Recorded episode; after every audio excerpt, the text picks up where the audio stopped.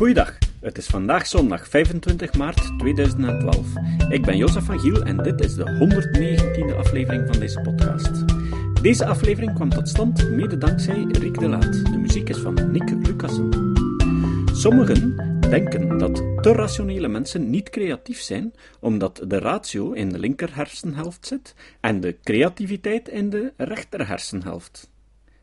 Maar klopt dat wel? Je mag er in ieder geval van uitgaan dat als je een consultant ontmoet die beweert de creativiteit van je personeel te kunnen verhogen door hun rechter hersenen te stimuleren, dan kan je maar best je sceptische zintuigen opzetten. Het linker-rechter hersenverhaal is achterhaald. Net als nog een hoop mythes rond creativiteit. Creativiteit is big business geworden, want iedereen wil dat idee vinden dat hem schatrijk zal maken. Bij gevolg wordt de markt dan ook overspoeld met creatieve charlatans. Maar er zijn er ook die het werk serieus aanpakken.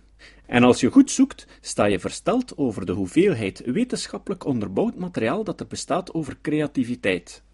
En wat nog meer is, zowel Nederland als België hebben enkele onderzoekers in huis die werk van wereldformaat afleveren. De Vlaamse groep wordt aangevoerd door professor Anseel van de Universiteit van Gent en in Nederland heb je professor Nijstad in Nijmegen. Er zijn er misschien nog, maar deze twee groepen kwam ik tijdens mijn beroepshalve onderzoeken regelmatig opnieuw tegen. Nu, wat is er eigenlijk allemaal waar of niet waar over wat er allemaal gezegd wordt rond creativiteit? Wel, ik heb goed nieuws. Want Michael van Damme, niet toevallig doctoreert hij in Gent over het onderwerp, heeft een enorm interessante blog waarin hij regelmatig een en ander over de wetenschappelijke kennis rond creativiteit uit de doeken doet. De tekst die jullie nu zullen horen komt uit zijn blog. Creativiteit zit in de hersenen. Jawel, beste mensen, creativiteit zit in je hersenen. En volgens velen zit creativiteit meer specifiek in je rechter hersenhelft. Zoek maar eens op Google. Je vindt honderden sites en boeken die het verschil tussen linker en rechter hersenhelft tot in de puntjes uitleggen. Er zijn eveneens verschillende tests ontwikkeld die dit paradigma hanteren om een persoonlijkheids- of voorkeursprofiel van je op te stellen. Meer nog, er zijn zelfs consultancybureaus die het rechter hersenhelft-idee gebruiken als basis om advies en training uit te ontwikkelen. Bijvoorbeeld Herman International. Is dit echt iets dat klopt?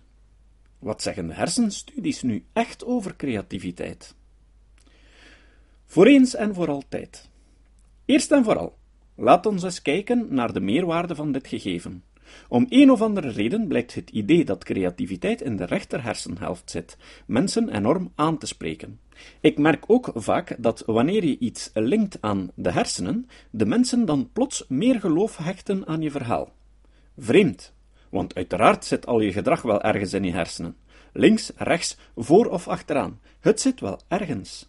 Liegen bijvoorbeeld zit ergens in je hersenen. En stel nu dat ik zou zeggen: liegen zit in je rechter hersenhelft. Wat is dan de meerwaarde van dat feit?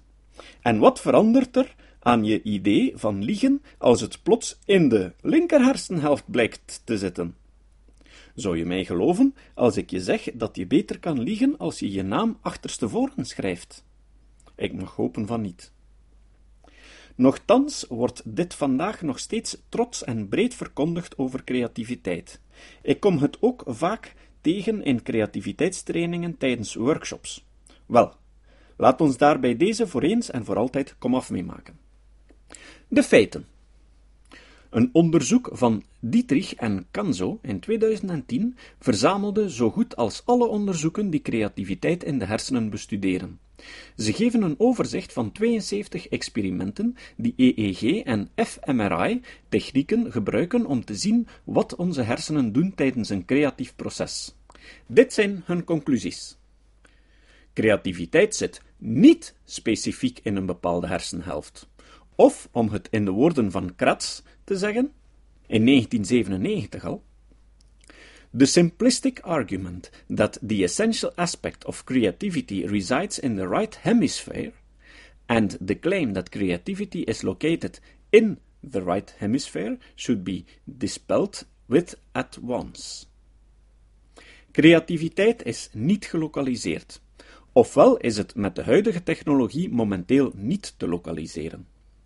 Wat andere theorieën rond creativiteit in de hersenen betreft, daarover is er momenteel geen consensus in de literatuur. De verschillende onderzoeken spreken elkaar tegen. Dus daar kunnen we momenteel nog geen straffe uitspraken over doen. De gevolgen. Wat wil dit zeggen voor al die boekentests en bedrijven? Het belangrijkste is dat je vanaf nu weet dat elke claim over creativiteit in de rechterhersenhelft niet wetenschappelijk onderbouwd is.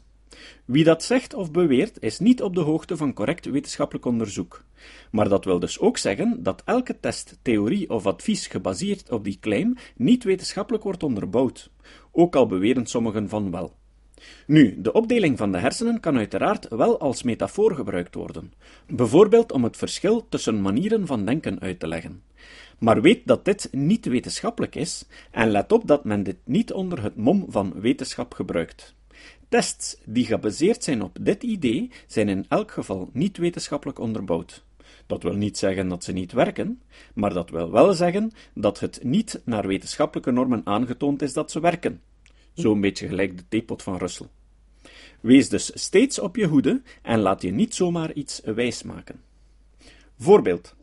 Persoonlijk vind ik dit een goed voorbeeld om aan te tonen dat in de praktijk vaak ideeën of bevindingen gebruikt worden die als wetenschap naar voren geschoven worden, maar het eigenlijk niet zijn.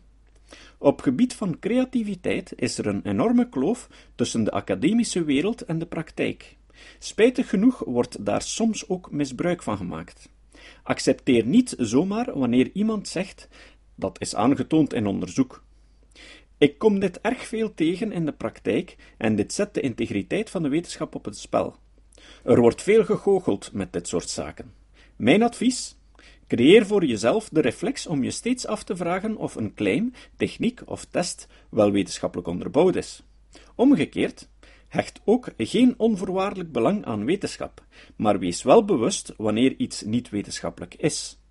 Als jullie zoiets tegenkomen, of iemand met wilde wetenschappelijke claims, kan je steeds bij mij terecht. Dus bij Michael van Damme. Ik ga dan even na of dit terug te vinden is in degelijk peer-reviewed literatuur en of de claims kloppen. Conclusie. Een conclusie die we in ieder geval wel kunnen maken is: creativiteit zit in je hersenen. Aan u om de meerwaarde van deze conclusie te vinden.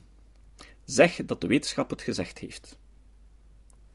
Vond je dit de moeite waard? Op de transcripts van deze pagina vind je een link naar Michaels blog met nog meer zulke artikelen. Je vindt op mijn notitiepagina ook een link naar een tekst van Anseel en de Vlo met een overzicht van de belangrijkste wetenschappelijke bevindingen rond creativiteit dat besteld werd door de Vlaamse gemeenschap. Het begint op bladzijde 143 van de 360 bladzijden, die het artikel lang is, en die tekst zelf is maar 10 bladzijden lang. Het linker-rechter hersenhelftverhaal wordt dikwijls gebruikt om te argumenteren